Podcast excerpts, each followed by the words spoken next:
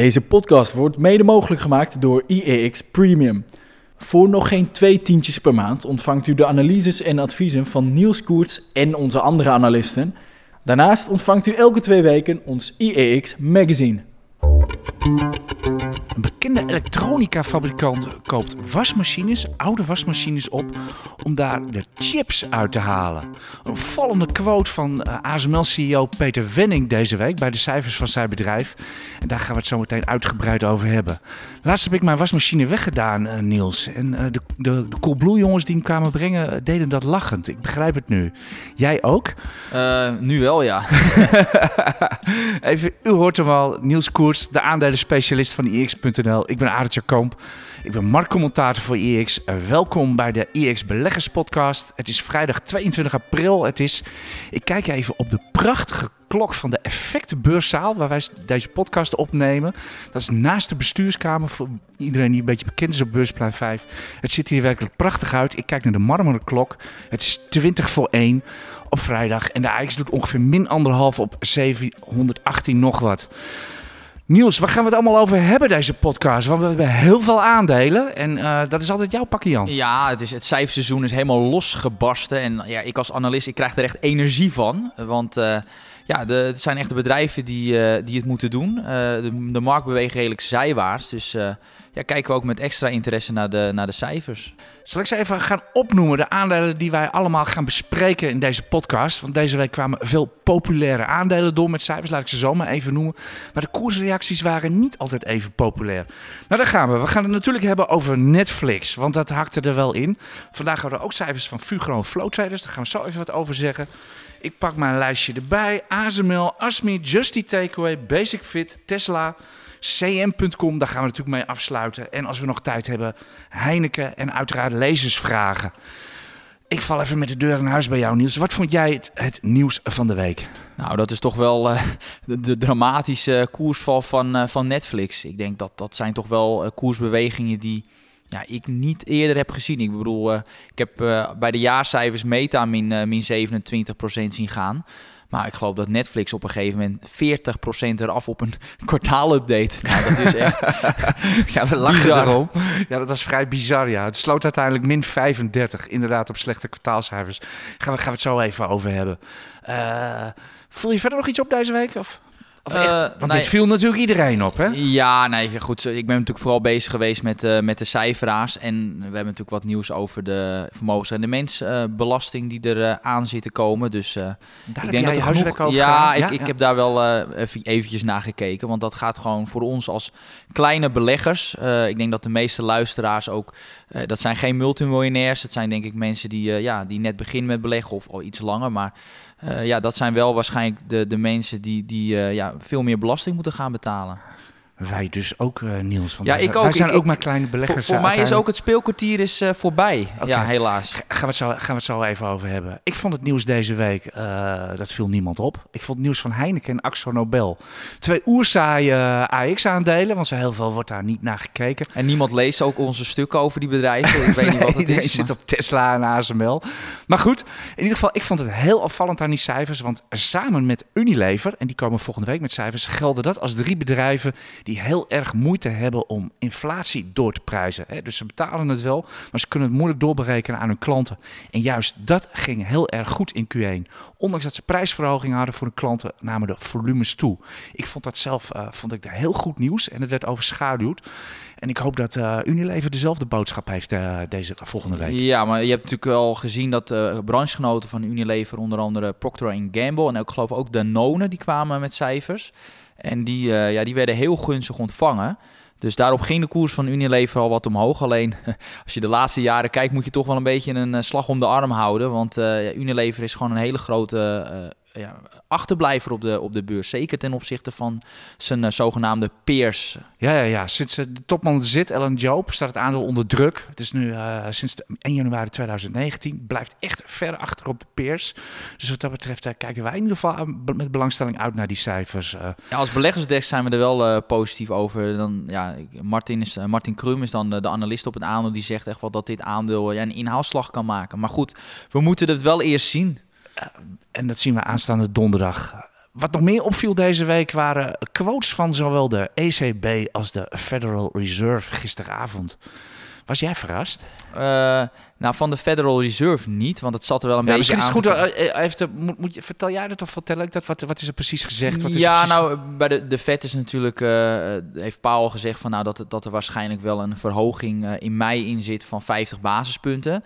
En dat is iets wat niet vaak voorkomt. Een, een, een verhoging van in feite ja, twee stapjes in één rentebesluit. Twee kwartjes, zoals dat heet. Ja, ja, dat is geloof ik voor het laatst was dat sinds 2000, toch? Nou, 2008. 2008. Er was wel een verlaging van twee kwartjes. Ja, maar goed, omhoog. Ik dacht dat het iets van in 2000, 2000 was of zo. Nou het ja, komt, lang het komt bijna niet voor, maar je zag wel dat ook andere mensen, andere vetleden daar wel alweer op voor sorteerden. Dus dat kwam me niet helemaal uh, als een verrassing. Dat de ECB, dat er, uh, ik geloof dat het de vicepresident is van de ECB, die al in juli hint op een uh, renteverhoging, dat voor, kwam voor mij wel als een verrassing. Ja, uh, ja voor, voor mij inderdaad ook. De markt gaat uit van dat uh, de ECB in september gaat verkrappen. Bedenk dat even goed. Hè. We hadden van de week Duitse producentenprijzen 30% year on year. En de ECB is nog steeds aan het verruimen. Daar je, ik, ik, ik, daar kan ik met mijn pet niet bij. Dat is ik, echt, ik moet uh... eerlijk zeggen dat ik eigenlijk wel verbaasd ben dat er in Duitsland... dat er niet allerlei clubs, partijen, organisaties... bij de Bundesverfassungsschutz gaan, gaan klagen... dat de ECB haar, uh, de wet aan het overtreden is. Die komt haar mandaat niet na. 2% inflatiedoelstelling. Dat ze de rente nog niet verhogen is één, maar dat ze nog verruimen. Uh, nou ja, anyway. Uh, in ieder geval, uh, de markt had ingeprijsd van in september gaan we verkrappen. En dan misschien in december uh, dat er eens een kwartje of twee kwartjes bij komt. En deze meneer de Guindos, of de Guindos, hoe, ze, ja, hoe ze naam maar uitspreekt, die trekt dat even door naar, naar, naar juli. En dat is, dat is echt wel opvallend. Je zag de euro er ook duidelijk op bewegen. En uh, ja, een dagje later alweer uh, inderdaad de Federal Reserve. En dat, dat, is echt, dat is echt gecommuniceerd hoor, wat de Federal Reserve doet. Want ik zei volgens mij drie weken geleden zoiets in deze podcast. Nou, het is nog heel lang na het rentebesluit. Ze gaan niet tussendoor uh, verhogen. Want dan krijg je paniek in de markten.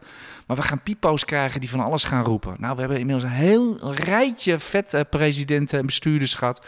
Die inderdaad hinten op, ja, wij gaan, wij gaan de inflatie bestrijden. En gisteravond bevestigde de president die woorden.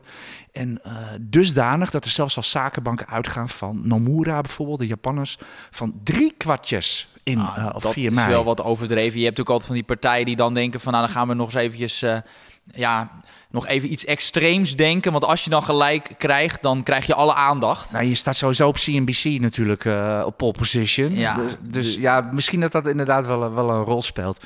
Maar in ieder geval één ding is heel erg duidelijk. En dat was de boodschap van, uh, van Powell. Van wij gaan inflatie bestrijden. En wat de economie gaat doen en wat de beurzen gaat doen... dat is collateral damage. Dat is echt, uh, dat is echt in ons geval als beleggers voor onze rekening. Ja, helder. En het, en het was, was te zien gisteravond. Met name risicovolle aandelen, niet winstgevende tech. Het ging weer met 5, 6 procent onderuit. Ja, we, we, hadden gisteren hadden we een etentje. En voordat dat we na, richting het etentje gingen, toen uh, stonden de beurzen geloof ik 1% hoger daar in de VS. En uh, nou, ja, we, IX gaat eten. En, en we uh, vertrekken en, en, en, en, het staat 2% lager. Ik denk van hoe dan? Maar ja, zo hard kan het gaan. De, ik bedoel, was natuurlijk omdat ik mijn telefoon ben kwijtgeraakt bij dat etentje. Nou, zal dat het zijn? dat zal het zijn. Viel er nog meer op, op, op de brede markt? Moeten we het daar nog over hebben? Of gaan oh, we gauw ja, de gaan we Wereldbank die, die waarschuwt voor dalende koersen. Dus dat is misschien... Biedt Wacht even, dat, dat vertel je met een grote grijns Ja, op want dat, misschien is dat juist misschien wel een bodemsignaal. Uh, ja, als dat soort partijen gaan waarschuwen, meestal ja, de, zijn ze te laat. Ja, de Wereldbank, IMF, ja, ja, die moeten gewoon hun werk doen en niet koersen voorspellen is niemands werk. Ja, voor, voor mensen die daar een YouTube-kanaaltje voor hebben of wat dan ook. Nou ja, van ons wordt het echt, vaak ook wel verwacht ja, dat we dat, nee, dat, echt, we dat Iemand doen. die koersen voorspelt wie het is, neem ik niet serieus. Dat is echt ongeacht nou, wie het is. Koersen voorspellen binnen, dan binnen een timeframe van, van een jaar, dat, dat kan je eigenlijk niet serieus nemen. We doen, ik, bedoel, ik doe er zelf wel eens aan mee om met een vooruitblik voor het jaar. Maar dan zeg ik er wel altijd bij, neem het een beetje met een korreltje zout, want koersen op korte termijn ja, is, zijn praktisch niet te voorspellen, maar op lange termijn uh, kan dat wel degelijk, omdat uh, bedrijven maken winst, dus ja. uiteindelijk. Ik kan me trouwens ook niet herinneren dat dit soort clubs als de Wereldbank of wat dan ook ooit hebben gezegd: ga toch vooral beleggen, want de koersen gaan omhoog. Ja, maar dan krijgen ze ook geen aandacht. Als je waarschuwt, dan krijg je aandacht. Ja, maar de koersen stijgen wel al vier eeuwen. Ja, nee, dat weet ik. Dat is, dat is, okay. dat is mij bekend. Daarom ja. ben ik begonnen met beleggen. Oké. Okay. Hey, wie niet al vier eeuwen stijgt en uh, echt een, een, een, dramatisch decennium achter de rug. Maar ik denk dat ik kan zeggen, echt achter de rug. Vandaag cijfers. Fugro, het beste aandeel dit jaar op het Damrak, plus 72% En er komt vandaag weer wat bij zelfs. De Ja. cijfers, Niels, heb jij ernaar gekeken? Ja, eventjes heel kort. Ja, ik zag Eh, vanochtend ook, ik heb alleen de headlines gezien. Ja, ik heb ook even kort naar gekeken, omdat het niet een aandeel is waar ik heel veel verstand van heb. Het is niet de sector eh, ja, waar ik als analist naar kijk. Wat ik wel zag is, ja, het bedrijfsresultaat verdubbeld.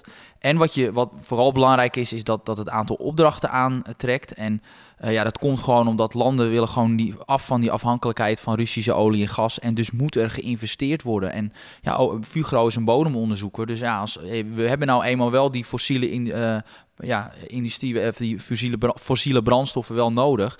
Ja, dan moeten we eh, extra velden, er moet er toch naar gezocht worden. Ja, en dat, dat is het, het werk van Fugro. Ja, maar het mooie aan Fugro is natuurlijk, jij noemt olie en gas, maar ze zitten natuurlijk ook in Ja. duurzaam. Ook waar windmolenparken komen. eh, Die transitie hebben ze gemaakt. ja, dat hebben ze in de afgelopen jaren met hun mine en line en de boel opschonen, hebben ze dat gedaan. En eh, de koersen li- liepen daar ook vooruit dit kwartaal. Dat was echt goed te zien, hè? het Oekraïne-effect, zeg maar. En inderdaad, het, het concern levert vandaag ook. Ik bedoel, wat, dat betreft waren de headlines en de cijfers spraken meer dan voldoende. eh, Een goed gevulde orderboek, et cetera. Het komt eindelijk een beetje Fugo's kant uit. En ik denk dat ze, het is van harte gegund wat dat betreft. eh. Ja, nee zeker. Ik geloof acht, acht verliesjaren op rij hebben ze Ja, gemaakt. ja, dat kun je je niet voorstellen. emissies. Och man, hou op, wat een ellende. Eh, een, eh, een fonds wat het eh, van, ja, toch wel van ellende vaak op de beurs kan hebben, moet hebben, is, is Flow Traders. Het, het handelshuis. Q1 was heel volatiel, dus heeft Flow Traders mooi winst gemaakt, zegt mijn boerenverstand. Ik, ik- dat is een aardige conclusie. Dus een- ze hebben 1,24 euro per aandeel verdiend. En dat is al meer in het ene kwartaaltje bijvoorbeeld dat, ze in eh, 2019 in het hele jaar hebben gemaakt. Dus dan zie je wel dat ze gewoon echt wel afhankelijk zijn van, eh, ja, van, die, van die volatiliteit. Nou ja, met die oorlog natuurlijk in Oekraïne die er aan de gang is. eh, ja, dat heeft toch voor extra volatiliteit in de markten gezorgd. eh, toegeleid. Ja, dat, dat zijn wel, ja, daar moet, moet een handelshuis het, eh, het van hebben. Dus eh, alleen, het is wel zo, je moet nog wel even kijken als je een lange termijn plaatje kijkt. Die marges in, in de VS, dat is, blijft wel een dingetje hoor. Ze zijn daar bezig met eh, ja, marktaandeel veroveren. En dat gaat wel ten koste eh, van, van de marges. Dus dat moet wel, ja, dat is iets wat uiteindelijk wel beter moet. Eh, ja, maar het is natuurlijk niet zo eenvoudig. In de VS is de concurrentie zo gigantisch groot. En de marge is flinterdun. En eh, dus ja, Ja, dat is ook heel Wat dat betreft wens ik Traders eh, heel veel succes.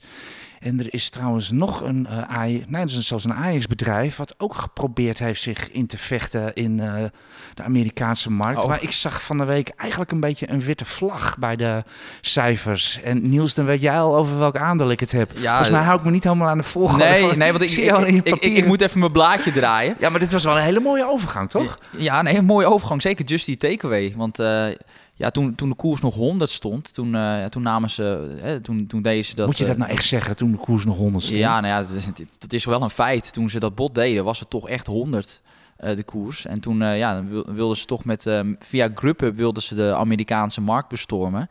En daar komen ze nu wel eh, van terug. En wat ik wel opvallend vond, ook de koersreactie, want ik, ik, zag, ik, ik las het nieuws en eh, ik zag wel de winstgevendheid eh, was wel iets beter, maar de omzet viel natuurlijk eh, tegen, die orders die ze kregen. Maar op dit bericht dacht ik van, nou, de koers moet wel hoger openen, want als ze het opgeven in de VS, dat zien beleggers over het algemeen als, als goed nieuws. Maar het opende min 5. Nou, als ik niet bij EX had gewerkt, dan had ik het wel aangedurfd om ze, om ze te kopen. En uit- je zag het ook ineens heel hard eh, weer omhoog eh, gaan. Hoezo, hoezo zeg je dat, als ik niet bij IX had gewerkt? N- Nou ja, kijk, wat, wat het is. Ik werk natuurlijk bij IEX en ik weet dat er eh, dat Peter is dan de analist van, van Just Eat, die komt met Peter een up- Schutte, ja. Peter Schutte, die, die, die, die komt met een update. Dus ik kan niet een uur voordat iemand met een update komt, kan ik erin handelen. Dat is, dat is geen goed signaal die je afgeeft. En ja, dat wacht even, dus zijn onze niet. interne Misschien is, het wel goed om die gewoon eens even Nee, uit te leggen. dat ik, is- ik bedoel, jij bent officieel analist van, van IX. Is zit er met, eh, met een mannetje 4, 5. Wat is, wat is jullie policy ten aanzien van, eh, van dit soort Nou, dingen? vlak voor updates. eh, eh, Vlak voor, even precies graag. Ja, dat- ik, ik geloof als wij weten, zo is, het is dat een beetje onduidelijk, maar als, als wij weten, als wij sowieso weten een bepaald advies wat eraan zit te komen, mogen we sowieso niks doen. En het algemene beleid is dat als we een aankoop doen, dat we dat pas een uur nadat het artikel al eh, verschenen is, dat we wat kunnen doen, want dan heeft iedereen al de mogelijkheid gehad om er naar te kijken. ik, ik wil niet zeggen dat wij bij Just Takeaway dat wij veel koers eh, impact hebben. Maar zeker bij kleine bedrijven kunnen we dat wel hebben. Dus daar moet je gewoon voorzichtig mee zijn. Ik bedoel, we hebben bij IX hebben echt een goede naam als het gaat om integriteit. En die kan je maar één keer uh, verspelen. En dat willen wij dus wij, niet doen. Wij zijn uh, sinds 1999 zijn wij van alle smetten vrij uh, wat dat betreft. mag best wel eens even Ja. worden. Dankjewel. Ik ben nog één punt vergeten in mijn enthousiasme dat ik gelijk naar de aandelen dook. We hebben de aandelen van deze van vandaag gehad, plus het bruggetje naar Just Eat Takeaway. We gingen het over vermogensrendementsheffing uh, hebben, uh, Niels. Ja, het afgelopen zondag, in je, je week, de wekelijkse vooruitblik die ik meestal maak op zondag. Jij deed hem afgelopen zondag. Een heel stuk over vermogensrendementsheffing die eraan zit te komen. Dat verhaal kent u. Uh, en volgens jou gaat dat heel slecht uitpakken voor ons particuliere beleggers. Ja, met name voor kleinere beleggers. Uh, ik denk dat er voor uh, grote echt mensen die echt nu meer dan gewoon multimiljonair zijn, dat daar niet zoveel voor gaat veranderen. Omdat het oude systeem, ja, dat, dat werkt natuurlijk met fictieve rendementen. En er werd gezegd bijvoorbeeld met multimiljonairs van nou die maken al ongeveer 6% rendement en daar heffen we 30% op. Nou, het werkelijke rendement als je echt puur in aandelen zit, zit ongeveer op 7. Dus voor, voor de echte grote beleggers gaat het niet veel impact hebben. Maar wel voor, voor de kleinere beleggers. Want in de oude situatie, ja, als jij een ton had, betaalde je amper uh, belasting. Omdat de eerste 50.000 euro was vrijgesteld. En over die 50.000 euro die daarna komt, ja, zei de overheid, nou daar zal niet heel veel rendement over gemaakt worden. Dus daar heffen we niet zoveel belasting op. Maar goed, als het werkelijke rendement belast gaat worden en ja, wij beleggen die ton in aandelen, ja, dan, uh, dan uh, gaat daar wel uh, een tax overheen, helaas. En heb je, heb je een sommetje? Zo, zo anders gewoon eens, uh, even, even een casus geven, we kleine beleggers. Uh, wacht even, ik ga, ik ga uit van iemand, kostwinner, verdient 50.000 euro per jaar bruto, heeft een huis van 5 ton, ton beleggingsgeld en uh, 50.000 spaargeld. Wat gaat hij betalen? Nou, kijk, in principe voor, voor die woning, hè, dus zeker als het gewoon de woning is waar je in, in woont, daar gaat niet zoveel uh, veranderen. Ook inkomen niet. Uh, misschien kan de belasting daar wat op, van op omlaag. Maar voor, de voor dat beleggingsgeld, als jij een ton hebt, ja, daar gaat wel wat van veranderen. Ik, heb dat, ik had er ook een mooie een grafiekje van gemaakt in mijn, in mijn stuk. Ja, je had het helemaal doorgerekend ja, alles. Dus, het is wel zo, het, het, is natuurlijk wel gebaseerd op aannames. Want er, komt een nieuw systeem, dus hè, dat er belast gaat worden op het werkelijke rendement wat je behaalt. Maar dat moet vanaf 2025 moet dat compleet zijn. Maar er zijn nog wel een aantal dingen onduidelijk. Bijvoorbeeld, wat wordt het belastingtarief? Wat is het heffingsvrij inkomen? Want ik ga er wel vanuit dat bijvoorbeeld de eerste 1000 euro die je verdient, dat die uh, belastingvrij is. Ja, nee, dat is haast niks. Maar ja, dat is naast niks. Maar... Een ton, uh, en het is natuurlijk de vraag, hoe gaat de Belastingdienst nou uh, te weten komen hoeveel rendement je maakt? Want dat is, dat is ook het dingetje waarom het allemaal zo lang duurt. Ik denk uiteindelijk dat dat bij de brokers terechtkomt die dat moeten doorgeven. Uh, dus dus dat, er zijn een aantal dingen onduidelijk. Maar ik heb wel een soort van een sommetje gemaakt. Dus ik, ik zeg van nou, ik ga uit van een belastingtarief van 30%. Nou, we gaan uit dat we als aandelenbeleggers ongeveer 7% rendement maken per jaar. Bruto, dat, dat, is, Bruto. In ieder geval, dat is in ieder geval het langstjarig gemiddelde. De afgelopen 50 jaar hebben we, hebben we veel bijna ja. 11% gemaakt. Maar goed, en, en, wij en gaan ik, gewoon en, uit van die 7%. Ja, en ik ga ook uit van een heffingsvrij inkomen van 1000 euro. Dus die okay. eerste 1000 euro die... Uh, Niels, laat ons niet langer in Spanje. Nee, en wat ik dus kwam, nou, dan kwam ik uiteindelijk op een sommetje van... nou in de oude situatie, als jij een ton had, betaalde je maar 0,3% over je vermogen. Dus uh, stel je hebt 2% inflatie, dan is het 7% meer 0,3% meer 2. Dan hou je 4,7% netto hou je over over je vermogen ja, plus de kosten dan nog van je broker. Ja, uh, maar dat, is, dat okay. heb ik ongeveer, die zijn relatief laag, dus die 4,7. In de nieuwe situatie uh, heb ik berekend dat je anderhalf procent meer moet betalen. Oftewel, dan hou je dus niet 4,7 procent uh, verdien je per jaar netto, hè, na aftrek van uh, belasting en inflatie, maar, maar slechts 3,2 procent. Dan zou je denken, nou 4,7 of 3,2... Wat maakt dat het valt uit? wel uit. Ik bedoel, er zijn vast mensen die dat al voor hun uh, vermogensbeheerder betalen, die anderhalf procent. Dat klopt. Maar ik heb dat dus uitgerekend van wat nou je uh, over 20 jaar wat dat betekent. Ja, ik wil net zeggen, wat, voor, wat betekent dit voor hele lange beleggers? Nou, mensen die 20 of 40 stel, jaar stel, beleggen. Stel, ja. Toevallig, uh, stel je hebt een, een ton uh, aan beleggingen. Een, stel in de oude situatie, dus hoe het was, heb ik berekend, dan zou je um, na 20 jaar van die 100.000 euro 250.000 euro netto hebben gemaakt. Het is bruto nog wel meer, maar goed. En na aftrek van belasting en inflatie zou je netto daar 250.000 euro van over, dus keer anderhalf. In de nieuwe situatie heb ik berekend, maar goed, dat is natuurlijk wel op basis van mijn aannames, is dat niet 250.000, maar 187.000. Oftewel, door Hallo? die nieuwe tax, wat ik verwacht dat er aankomt, heb je na 20 jaar dus eh 25% minder aan vermogen dan eh, in de oude situatie. En dat is wel echt, dat hakt er wel in hoor. Dat is echt. En, dan, en het, het pijnlijke is, het, natuurlijk, het wordt allemaal geframed in de media van nou, hè, het verschillen tussen rijk en arm worden kleiner. Nou, dat, nee, helemaal niet. Want die, voor miljonairs verandert niet zoveel.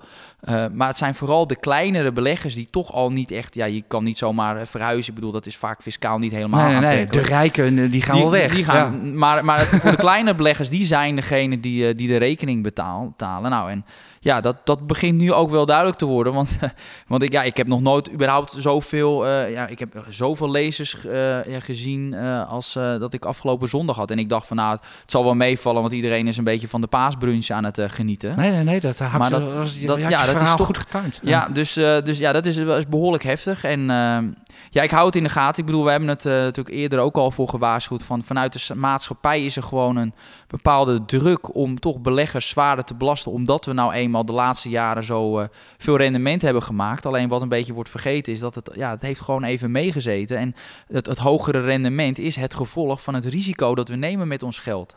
Eh, ja, en dat doen spaarders natuurlijk niet. En, eh, nee, en het beste wat ons kan overkomen is op het moment dat ze dit, eh, dit invoeren, is dat de, dat de beurs in een jaar min 70 gaat. ja, Want dat betekent dat, dat de staat, ik weet niet hoeveel miljard moet bijpassen aan ons, want dan kunnen we onze verliezen Ja. compenseren. Dat is het voordeel.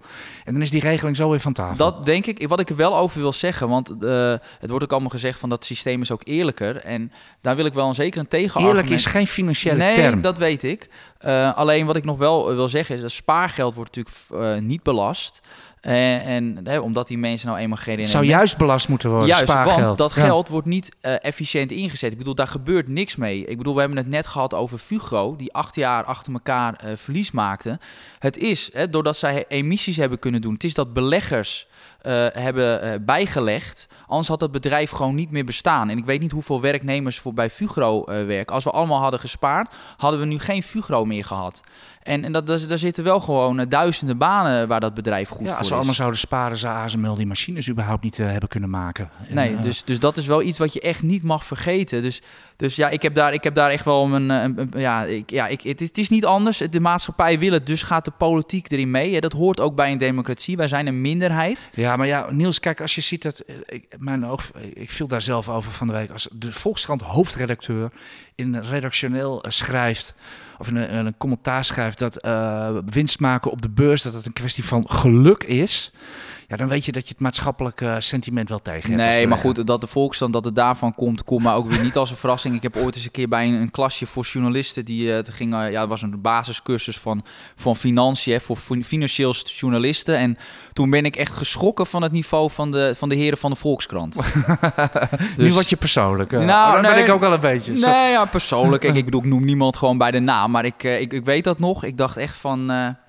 nou, dat, eh, ik dacht van... Nou, dat ik, eh, ja, het was krankzinnig. Ik, vergeet het wat nooit mij, weer. Wat mij opvalt is, is, is, is dat steeds die term de rijken steeds valt. Waar, waar hebben we het over? We hebben Wij zijn niet rijk. Nee, nee, ik bedoel, we hebben het gewoon over mensen die middenklasse hebben, Ja. die een pakket aandelen hebben. En eh, ja, nou ja, goed. Maar goed, ja, we zijn Nou, goed, minderheid. mengen ons alweer in politiek. Het is Laten we dat- tegen ja. de bierkaai, vrees Ja, ik. ik, vrees het ook. En zullen we dan maar gewoon even gauw verder gaan met de aandelen, want dat vinden wij veel leuker. Ik had het al even over ASML, Niels. Dat waren, het waren eigenlijk geen fantastische cijfers. Dat, eh, maar dat, dat, was ook, dat was ook verwacht. ASML heeft gewoon grote problemen op dit moment eh, met haar productie. Maar wat er wel in de cijfers zat, ze gaan de outlook voor 2025 gaan ze drastisch verhogen en ze gaan uitbreiden. En daar gaat het om. Kijk, het feit dat die, kwartaalcijfers allemaal leuk, maar het draait uiteindelijk om die eh, lange termijn vooruitzichten. En als we die opwaarts bijstellen, ja, dan reageert de markt positief.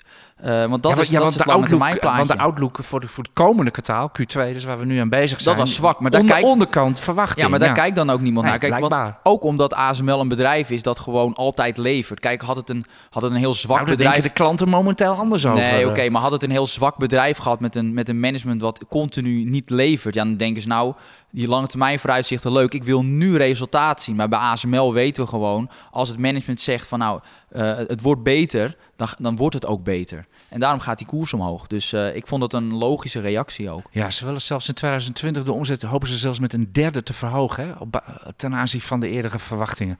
Het geeft, wat dat betreft geeft het wel aan van eh, de honger van deze wereld naar chips. Is onverminderd Ja, en groot. wat Want als ASML dit soort besluiten neemt, en die kijken heel ver vooruit hoor, vooral in samenwerking met TSMC, hebben echt lange termijn strategieën. Die kijken echt ver vooruit. Die doen dat niet zomaar. Nee, en die en roepen wat- dat ook niet zomaar. Nee, en wat ook wel meespeelt, ze zijn ook altijd wel vrij conservatief. Hè, zodat ze weer eens kunnen, beter dan verwacht kunnen presteren. Dat is ook wel ASML hoor. Want ik kan me niet herinneren dat het ooit dat ze een keer het neerwaarts hebben bijgesteld. Nee, dan moeten we, moeten we wel heel lang terug. Hebben ze wel gedaan ooit hoor. Oké. Er zijn ook wel mindere jaren geweest voor ASML. Waar ik trouwens wel heel benieuwd ben, is waar een eventuele nieuwe fabriek van ASML gaat komen. Ik, ik zou niet eens verbaasd zijn als dat Amerika gaat worden. Nou ja, als je ziet wat er nu aan de hand is, met name in China, dan... eh, Ik bedoel, eh, eh? Amerika gaat heel veel geld uitgeven om de chipindustrie eh, een impuls te geven. Het zou eh, mij niet verbazen als ze de halve fabriek van ASML wel willen betalen in de VS. Ik sluit niet uit dat ze wat subsidie kunnen krijgen. Ja, da- daarom. Dus we, gaan, we gaan het zien. We gaan het vanaf, vanaf H2, tweede, tweede half jaar, gaan we het allemaal horen. We gaan er een beetje gauw doorheen. Wat, wat de opvallendste cijfer, we noemen het al even, Netflix natuurlijk.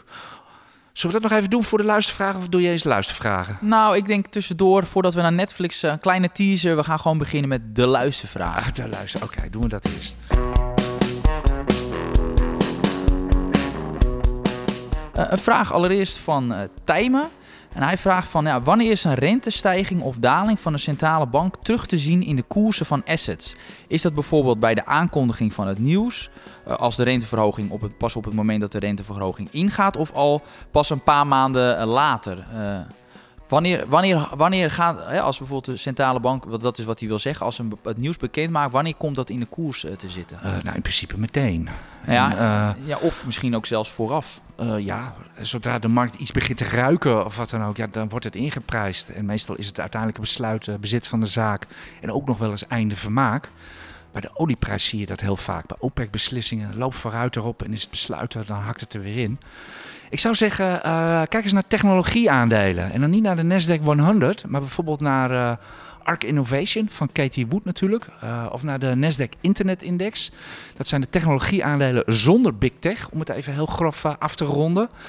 En die zitten gewoon al sinds vorig jaar februari in een bear market. En toevallig, of niet, vorig jaar februari was de tijd dat wij met termen als inflatie eh, gingen kennismaken en renteverhogingen. Dus eigenlijk is het vanaf die tijd, wordt het, wordt het eh, al ingeprijsd. Ja, en ja, goed, wat je nu ook ziet bij de ECB, natuurlijk, hè, dat dat toch al eh, vaak eh, die, eh, de, de vicepresident, dat al leden gewoon al, ja, al een soort van signalen gaan geven wat er aan zit te komen. Dus vaak zie je vaak al vooraf. Ja, ja want centrale banken hebben aan één ding een hekel, dat is namelijk de markt verrassen. Juist. Eh, laat staan onaangenaam verrassen. Nu, Volgende nu vraag. een vraag van Menno. Hij zegt, ja, ik hoorde vorige week dat ik net zo oud ben als Niels. Ik ben twee jaar geleden afgestudeerd en beleg een deel van het geld dat ik iedere maand overhoud. Wat is handig om te doen? Iedere maand een plukje van een paar honderd euro aan aandelen kopen. Eh, wat ik eigenlijk zonde vind van de transactiekosten, zegt hij zelf. Maar ehm, ja, of, of moet je gewoon eh, in één klap eh, het, het geld investeren? Nee, ga nooit in één keer investeren. Want oh, ik ben zo vrij de vraag te gaan beantwoorden. Ja, dat mag. Doe het, nooit in één, doe het nooit in één keer, want dan ben je aan het timen. Ja. Je kunt beter iedere maand, ieder kwartaal, of hè, laat je, markt in de, je geld in de markt druppelen, als het ware, zo- zodat, je, zodat je mooi middelt. Zelf doe ik dat Eh, vaak ja. wel hoor. Gewoon als er bij mij geld vrijkomt en is ruimte, knal ik er gewoon in, in één klap in hoor. Ja, zo ben ik dan weer wel. het is wel zo, eh, als je, als je, als je beginnende belegger bent, Niels. als je, als je met, met een paar honderd euro per maand wil eh, beleggen, dan dat kan je gewoon doen. En als je dat bij, bijvoorbeeld bij de Giro iedere één keer in de maand doet, dan hoef je geen transactiekosten te betalen. Als ik vrienden als het toe eens help met beleggen, zeg ik ook van nou, de eerste 10.000 euro, doe dat in ETF's. En ga daarna kijken naar individuele aandelen. Ja, het is natuurlijk ook maar waar je, wat, wat je wil. Als je gewoon wil beleggen zonder dat je er de hele dag mee bezig bent, koop dan vooral trekkers. En eh, koop dan gewoon een wereldindex trekker, dat is het makkelijkste. Eh, ja, vind je aandelen veel te leuk? Eh, ja, doe dat vooral. Ja. Ja. ja, dat is ook veel leuker om in individuele aandelen te beleggen. Ik kan dat niet ontkennen. Hou op, ik mis het iedere dag.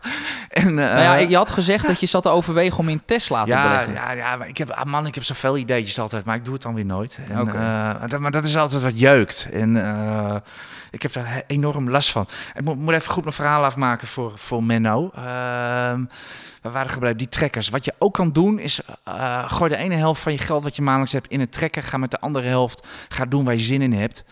Eh, Oké, dat is dan met minder geld, maar de pret is er niet minder om. De, kick van, van het beleggen zit hem dat de markt je kant uitkomt, eh dat de koers je, je, je kant uitkomt. Dat is het leuke. Het percentage is wat telt en uiteindelijk het bedrag is toch altijd te weinig. Dat geldt zelfs voor multimiljonairs. Ja. Dus wat dat betreft eh, eh, maakt, het, maakt het niet zoveel uit. Oké, een volgende vraag van Toeter de Toeter. ETF's zijn enorm populair. Hoe zien, jullie, hoe zien jullie de toekomst van ETF? Is dit misschien een bubbel? Dat is grappig. Dat, dat verhaal hoor je namelijk nooit weer. Eh, dat was, was zoveel jaar geleden. Was het echt een, echt een enorme discussie van... ja, als we met z'n allen in trekkers gaan beleggen... wordt dat niet een marktrisico op zich? Die discussie heb ik nooit gehoord bij beleggingsfondsen. eh, wel bij trekkers. Ik, eh, ik zou niet weten waarom.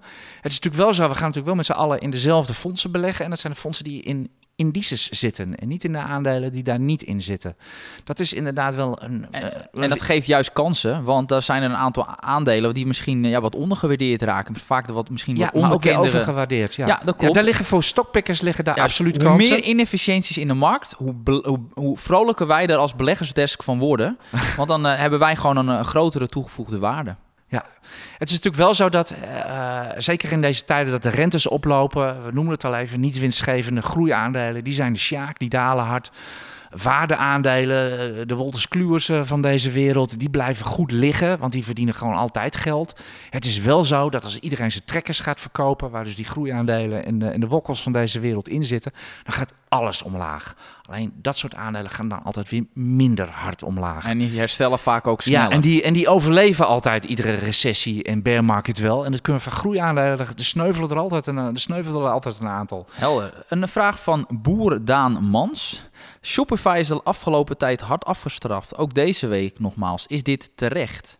Ik begin ook met individuele aandelen, met, met de Ja. lezersvragen. Ja, er zijn mensen die natuurlijk wat willen weten, omdat wij er als... Zal, zal ik blinde antwoord geven? Eh, ja, nou ja, ik geloof dat jij antwoordt van ik heb geen idee, want ik heb er nog nooit naar gekeken. Eh, dat klopt. Nou. Maar ik gok dat Shopify is, eh, maakt geen winst. Eh, nou, amper inderdaad. Nou, dan denk ik dat ik het zeer Dan denk ik dat ik het antwoord al gegeven heb waarom het slecht ligt. Ja, dit soort aandelen, groeiaandelen, eh, die, die gaan gewoon onderuit. Die zijn gewoon te hoog gewaardeerd in tijden van, van rentestijgingen, et cetera. Echt nie- niemand die nog geld wil betalen om mogelijke winsten over zoveel jaren te gaan financieren. Toch zijn we wel, als beleggersdesk zijn we wel enthousiast. Dus, eh, maar, Shopify. over Shopify, maar het is wel echt een heel hoog risicoaandeel. Dus ik zou er wel echt opletten met je positie eh, daarin. Nu een vraag van Ruben Sikkes. Eh, hij zegt van, hoe kan een dekkingsgraad van een pensioenfonds nou omhoog gaan... terwijl de rendementen negatief zijn? Want we hadden daar, ik geloof dat het pensioenfonds Zorg en Welzijn zei, eh, was. Die zei van, nou, onze dekkingsgraad is gestegen... maar we hebben negatieve beleggingsrendementen gemaakt. Hoe kan dat? Eh, ja, dat heeft alles natuurlijk met die rekenrente te maken, waarop pensioenen zijn gebaseerd. Moeten we dat in deze podcast uit de doeken Ja. gaan doen? Nou, nou, ik, ik zou zeggen, niet, google dat niet, maar even. Niet heel erg op de inhoud, maar wat... Nou, weet wat- je, het is hetzelfde als met dat je een poet of een kool komt en, en, en, en, en, en de koers komt je kant uit, maar je poet of je kool niet. Nee, maar het, is, het kan dus zo zijn dat, dat bijvoorbeeld, stel je maakt eh, bijvoorbeeld 10, 10 miljard verlies als pensioenfonds. Als dan de rente stijgt, waardoor je bijvoorbeeld 20 miljard minder hoeft aan te houden aan eh, vermogen. Ja, dan kan je dus toch dat die dekkingsgraad omhoog gaan, eh, gaan eh, omdat je dan op papier rijker bent geworden. De afgelopen jaren is precies het omgekeerde gebeurd. De rendementen waren heel hoog, maar eh, op papier leek het er dus op dat we juist dat die pensioenfondsen armer waren geworden, terwijl er nog nooit zoveel geld in had gezeten als, eh, als afgelopen jaar. Dus dat is, eh, ja, dat is een beetje, dat, dat is, het laat gewoon zien hoe bepalend de rente is voor die dekkingsgraden. Ja, toen ooit het pensioenstelsel in, in het leven is geroepen, hielden ze er werkelijk waar geen rekening mee dat de rentes naar nul en zelfs onder nul konden gaan staan. En dat heeft gewoon die pensioenen gewoon de afgelopen tien jaar enorm opgebroken. Oké, dat waren de lezersvragen. We hebben nog een hele lijst aandelen staan. We gaan er even, we gaan er even sneltreinvaart doorheen, eh, Niels. we, we Eh, kijken we wel. Hebben Oh, we al die- oh, gehad. die hebben we Die hebben we al gehad. Dan schuiven we een letter op. Asmi, die hadden ook cijfers. Ja, Ik vond nog meest opvallende dat Asmi... Het is de laatste jaren een beetje gewoonte geworden... dat ze voor de cijfers altijd al met een update kwamen... dat het een eh, big feest was. Dat hadden we dit keer niet. Nee, ja, ik had even gekeken naar de analyse van onze analist eh, Paul Weteling. Die zei, ja, de resultaten zijn redelijk in lijn met de verwachtingen.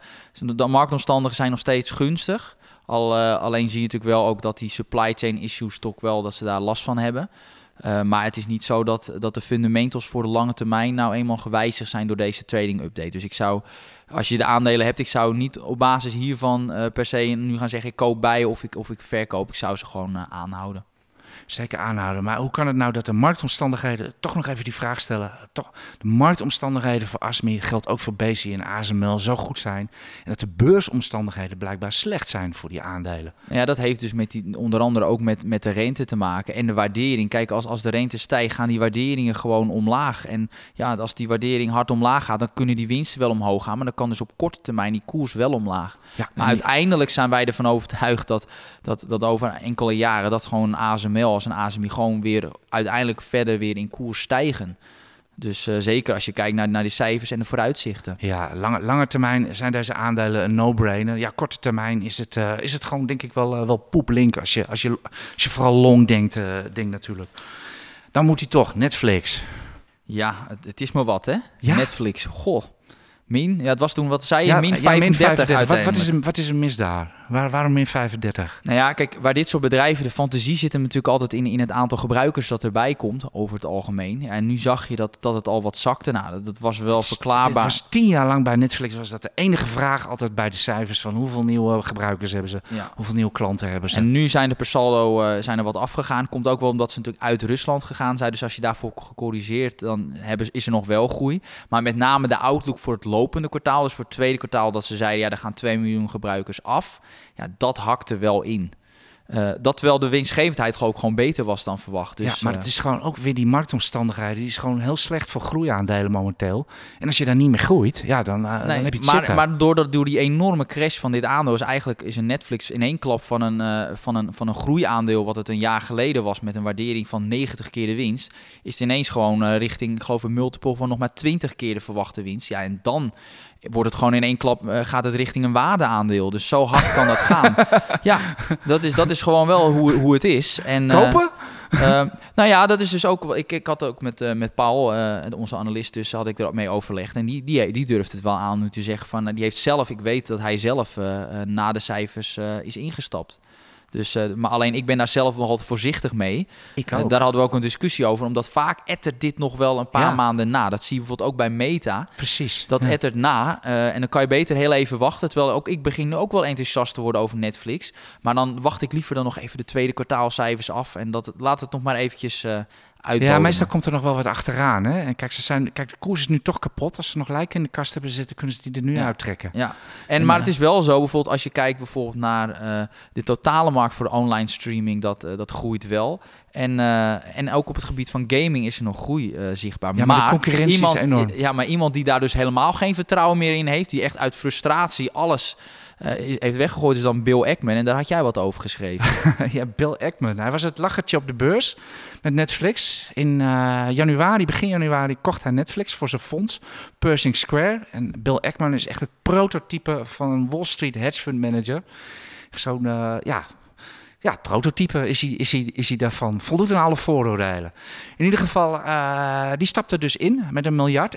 1,3 miljard stak hij Eind en vorig stak jaar toch? Of dit nee, begin dit, begin dit jaar stapte hij in. En, gister, en eh, woensdag, toen heeft hij alles verkocht. En eh, naar schatting heeft hij daar ongeveer 400 miljoen verlies op gemaakt. Hij heeft gewoon in één keer zijn positie gesloten. Sloot schreef s'avonds een brief aan zijn kl- klanten waarom hij dat gedaan heeft. En eh, ik moet eerlijk zeggen, ik was daar zeer van onder de indruk eh, wat meneer Ekman eh, heeft gedaan. Die heeft denk ik even een staaltje verlies nemen eh, laten zien. Het was heel simpel wat hij schreef. Hij zegt, de, de cijfers die vandaag zijn gepresenteerd, zijn, die vloeken met alle prognoses die ik had toen ik in het aandeel stapte. Er is, er is daar wat gebeurd. De, de cijfers kloppen niet meer. Mijn Excels kloppen niet meer. En dus Nou, de mijn cijfers kloppen wel, maar zijn Excel Ja, oké. Ja, in ieder geval, hij ging uit van groei in zijn Excels. En die groei die kwam er dus niet. En dus klopt, eh, klopt, klopt het niet meer en dus gaat hij eruit. Mijn beleggingspropositie klopt niet meer en dus ga ik eruit. Dat is een hele goede beleggingswijsheid die heel veel profs ook uh, toepassen. Warren Buffett deed het volgens mij een jaar of zes, zeven geleden bij Tesco. Ook met de staart tussen de benen eruit. Want ook zijn Excels klopte helemaal niet meer na een kwartaalupdate. En dus moest hij opnieuw naar de tekentafel. Maar dat doe je dan wel als je uit het aandeel bent. Dus dat is gewoon echt je niet nemen en eruit. Hij had wel het eh, geluk dat de volumes vrij hoog was. Dus hij kon het, kon het ja, wel kon zo doen. ja, maar ik ik denk dat hij het onder andere, ik denk dat hij het wel via zijn vriendjes eh, verkocht heeft. En dat is, dat is natuurlijk ook het leuke punt hieraan. Ekman, dat is natuurlijk een grote jongen. Die heeft ongetwijfeld het management gesproken voordat hij erin ging. En eh, dat, dat, dat, mag, mag je wel als, als feit aannemen. En blijkbaar voelt hij zich gepiepeld door het management. Of Netflix wist op dat moment ook nog niet beter. Dat zal rond 1 januari zijn geweest. In ieder geval, is, eh, dat is wel fascinerend. Maar in zijn brief, hij trekt volledig de schuld naar zichzelf toe. Ik heb een verkeerde belegging gedaan en ik ga eruit. Hij geeft Netflix niet de schuld. Hij geeft de beurs niet de schuld. eh, geeft andere beleggers niet de schuld. Geeft de regering niet de schuld. En eh, kortom, hij houdt het gewoon echt helemaal bij zichzelf. En wat dat betreft kan bijna iedereen die luistert, kan hier echt een voorbeeld Ja, dat aan is dit, is hoe je, dit is hoe je op de beurs Dat is over het algemeen wel het verschil tussen, tussen eh, particuliere beleggers en de professionals. Over het algemeen, als de professionals verkeerd zitten, kijken ze vooral van wat heb ik verkeerd gedaan. En, eh, Want de markt heeft altijd gelijk. Ja, dat over het algemeen wel, ja. En, eh, en, en Maar particulier- krijgt hij wel gelijk. Ja, en, en bij particulieren is het toch vaak iets, iemand anders, vaak cent- centrale banken dan de schuld. eh. Ja, of, ja, of, of zoals bij, bij PostNL, dat de koers naar beneden wordt gemanipuleerd. Nou, als een koers naar beneden is ge- wordt gemanipuleerd, is hij ook omhoog gemanipuleerd. Nou, over Dat, PostNL deze week, die, die ene dag dat het min 8 ging, was het niet naar beneden gemanipuleerd, want het ging ex-dividend. Want dat was 10% of zo. Dat ja, maar er werd vervolgens wel weer een paar procent omhoog gemanipuleerd. Oh, dat dan dus weer het, het, het, het dividend werd er een beetje uit ge- gelopen. Dat, heb je vaak. Ik, ik heb vaak een beetje het gevoel bij bedrijven die veel dividend uitkeren, dat dan op de dag dat ze ex-dividend gaan, dat met name dat belastingdeel, dat dat vaak wordt ingelopen. Maar eh, ik heb daar geen wetenschappelijk bewijs voor, maar dat valt me vaak een Maar ik beetje moet op. eerlijk zeggen dat het bij mij jeukte toen ik eh PostNL min 10 zag staan. Dat was een nieuwe bodem. Op 1 mei is het precies een, eh, een jaar in een downtrend. Komt voor 5 euro, dus je kunt het zo uitrekenen. Dus het, het jeukte even. Ik dacht van dit, dit- dat dividend dat loopt er wel weer uit. En, toen, goed. da- en toen dacht En je dat heb van... ik natuurlijk weer niet gedaan. nee, want toen dacht je, oh ja, Herna Verhagen is wel de CEO, dus ik doe het toch maar niet meer. dan speel je weer op de persoon. nee, ik zal niet durven. Laten we, ga- laten we gauw verder gaan met het volgende aandeel.